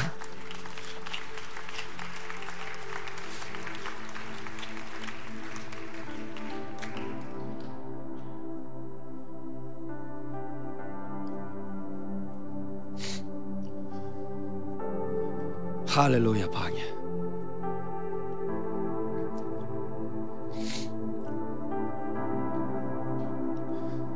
Jedna z najbogatszych osób w jednym kraju przyniosła mi swoją wizytówkę i mówi, czy możemy się spotkać. Multi, multi, multi, multi, multimilioner. O, dlaczego o tym mówię? Bo nagle tego chłopczyka z Gołdapi Bóg stawia w miejscach pomiędzy ludźmi wpływu. Dlaczego? Bo ja uwierzyłem, kim jestem w Jezusie. Dlaczego my mamy patrzeć ze ślinką na buzi, na tych ludzi gdzieś tam jakichś wysoko postawionych i mówić, o, wiecie, ja słyszałem, to są takie żarty w świecie chrześcijańskim, o, gdyby Robert Lewandowski się nawrócił, oddałby dziesięcinę, byśmy wybudowali budynki we wszystkich miastach w Polsce na kościoły.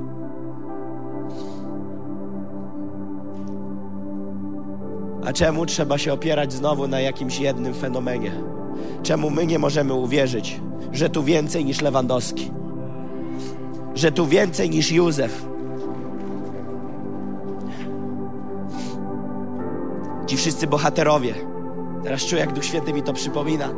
Mojżesz, Jozue, Dawid, Salomon, ci wszyscy zawodnicy. I słuchajcie, co się dzieje. Kiedy dojeżdżasz do końcówki starego, wjeżdżasz w nowy, jest mowa o Janie. Wiesz, co jest napisane? Że nie było takiego jak Jan. A więc Biblia mówi, że ci wszyscy wielcy ludzie wielkiego czynu i wiary nie są tak wielcy jak Jan. A w następnym wersecie jest napisane: Najmniejszy w Królestwie Bożym, większy niż Jan.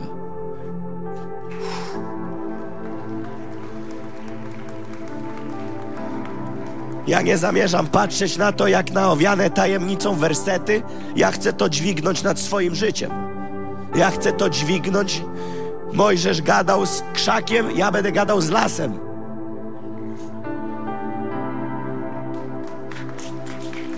Jezus głosił do pięciu tysięcy, my będziemy do pięćdziesięciu tysięcy. Będziemy karmić tysiące. Będziemy wysyłać sprzęt na, na kontynenty, w których nie ma sprzętu. Będziemy jeździć po 100 osób będziemy wsiadać do samolotu. Będzie przyjeżdżać ekipa wojowników z Polski. Wszystkich będzie ślinka się nie mieścić w gardle, bo przyjechali z Polski. Z Polski przyjechali. Koniec z mentalnością ubóstwa. Pastorzy kochani na sali i online. Bądźcie odważni, walcie w bęben równo. Powiedzcie kościele, czas na hojność. Forsujcie. Jak ludzi po 20 lat w kościele nie da się zachęcić do hajności, pytanie, czy jest miejsce dla nich. Nie mogą przeskoczyć najmniejszego testu. Trzeba być odważnym. Ludzie mówią, Jakub, ty masz taką odwagę. Sam z siebie nie mam. Sam z siebie nie mam. Myślisz, że mi łatwo tak bombardować? Ale w Jezusie, w Jezusie, w Jezusie. Będziemy mieli teraz czas ofiary. To jest nowy poziom odwagi. Będziemy mieli ofiarę. Wiecie, chciałbym, żebyśmy coś zrobili. Ktoś mi wysłał filmik o mnie, że jestem z New Age. Bo jest filmik zrobiony w internecie, że ja tłumaczę, że ja modliłem się o swoje karty bankowe i że to jest New Age, wyzwalanie energii jakieś. Myślę, Boże, co oni wymyślili? A wiecie, co ja robię? Biorę swój portfel i mówię, Panie, napełnij, napełnij, napełnij. W biurze na Wandy Rutkiewicz 9, gdzie jest Kamcia? Gdzieś jest Kamcia, jest kilka innych osób. Jak mieliśmy biuro na innej części Warszawy, modliliśmy się o finanse. I wiecie, o co modliliśmy się? Wiecie, co się stało po modlitwie? pojawiły się nowe, nieużywane banknoty w biurze. Nowiutkie, niedotknięte setki. Świeżynki, nigdy niedotknięte. Pojawiły się pieniądze. Wszyscy w biurze to widzieli.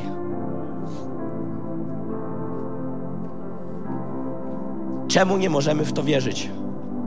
Czemu nie możemy wierzyć, że Bóg wyśle niejednego karpia ze złotą monetą?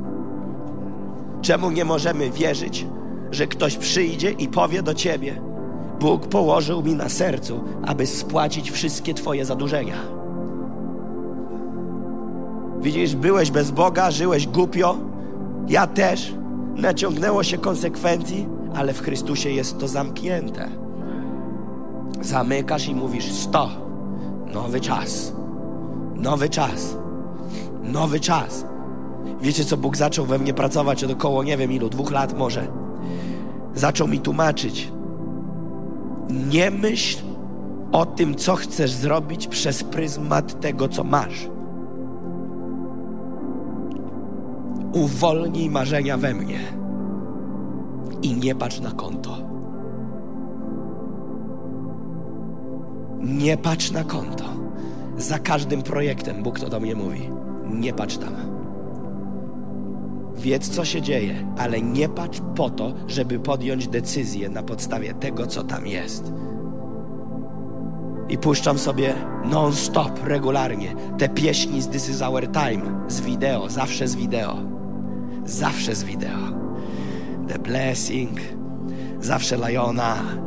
Patrzę na te rozżarzone 2200 osób i płaczę regularnie. Nie ma momentu, żebym to włączył i się nie poryczał. I mówię, panie, teraz to jest 2200, ale niedługo to będzie 22 tysiące. Niedługo to będzie 22 tysiące. Wiecie, byłem w tym programie TVP1 Ocaleni. Wiecie, co moja myśl się zrodziła od razu? My musimy mieć swój program. My musimy mieć swój program. Zaatakować w telewizji, mieć swój program i głosić regularnie, nie o pierwszej nad ranem, ale o dziewiętnastej. Brzydule wyłączą, bo włączą program nadziei. Program nadziei. Program nadziei. Pastor Ricardo Rodriguez, ten, który ma 70 tysięcy osób w kościele, akurat jak byliśmy, powiedział to ze sceny, bo głosił akurat jak byliśmy o wierze. Akurat, że wszystko jest możliwe. Tak jakoś dziwnym trafem, jak byliśmy. I mówił, pamiętam, jak wszyscy mi mówili, telewizja, radio, to się ci nigdy nie uda. I pamiętam, co powiedział, gdzie są ci wszyscy, którzy to mówili? Gdzie są ci wszyscy, którzy to mówili? Dzisiaj mają telewizję, dzisiaj mają radio, bo marzyli z Bogiem i pozwolili, aby Bóg, który nie ma ograniczeń, mógł zadziałać przez ograniczonego człowieka. Kimże ja jestem? Wiesz, kim ja jestem? Wy, wiecie to. Ja jestem zwykłym pionkiem. Ty jesteś zwykłym pionkiem. My wszyscy pioneczki. Ale mamy wszechmocnego Boga. Ale mamy wszechmocnego Boga. Wiecie, czasami ludzie myślą, Boże, ten Jakub. Co Jakub? Zwykły pionek. Chcesz wiedzieć, jak wielki Jakub? Zapytaj moją żonę. Chami prostak. Żaden wielki Jakub. Za każdym razem mówię, Boże, jakim cudem Ty mnie używasz. I wiesz, co znalazłem przed Bogiem? Prostotę. Żadnego pajacowania. Żadnego. To nie ma sensu. On tym wymiotuje. Żadnej religiozy, żadnej sztucznej, długiej pobożności, żadnych dziwnych minek. Po prostu, Panie, o, z szacunkiem, z respektem, z bojaźnią. Nastawimy się na ło. Tak, Michałku? Będziemy mogli to podnieść? Chciejmy przygotować nasze ziarna. Nie idźmy jeszcze do ofiary.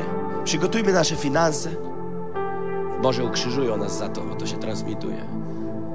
Weź swoje środki do ręki lub kartę, cokolwiek, zegarek, pięta. Dzisiaj wszystkim można.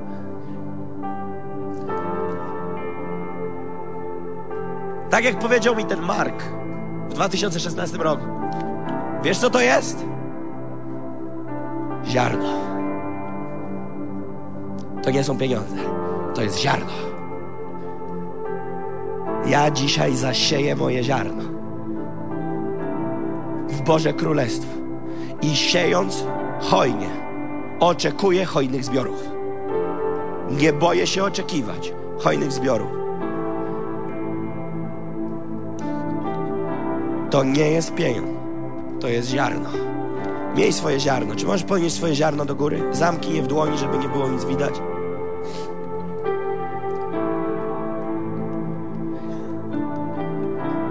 Zapytaj go, panie,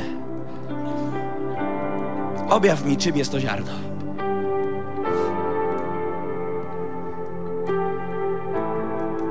Panie, naucz mnie być człowiekiem hojnego serca.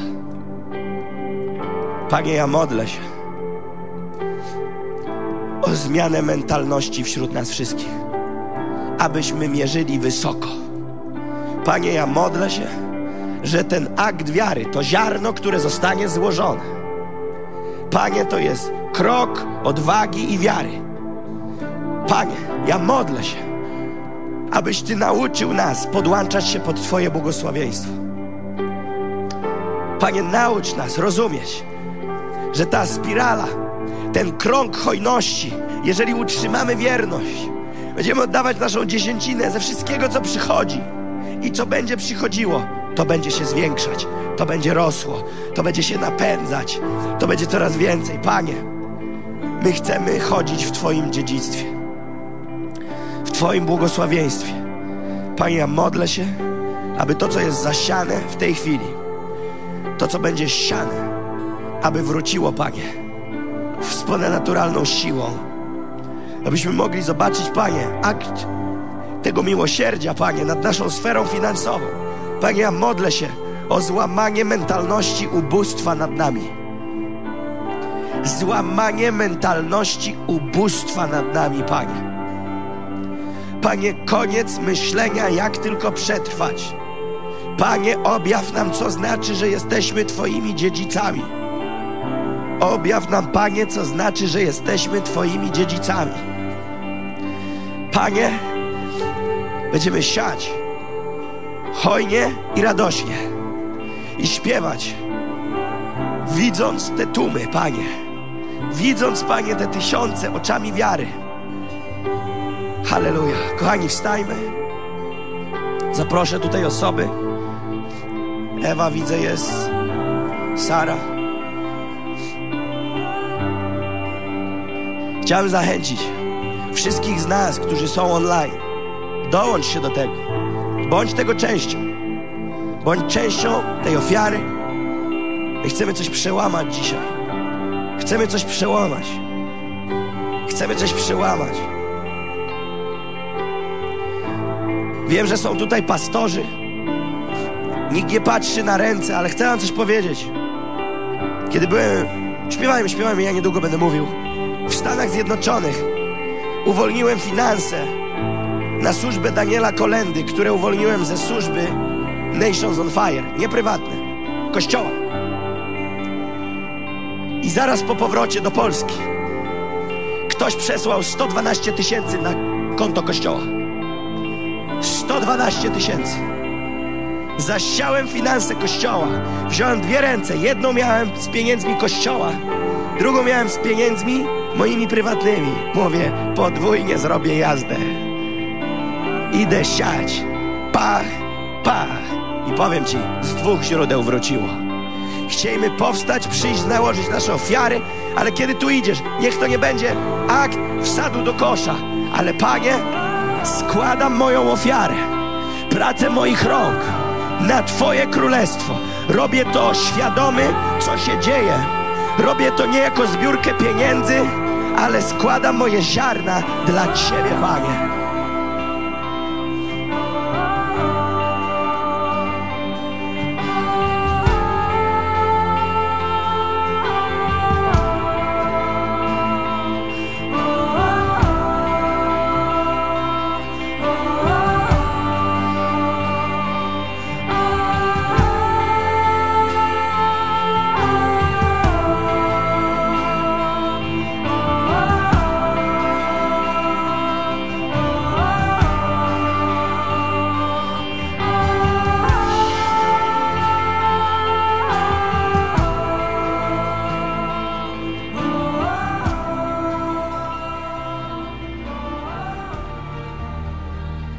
Modlę się, aby to przesłanie zaprowadziło Cię do zwycięskiego życia z Jezusem.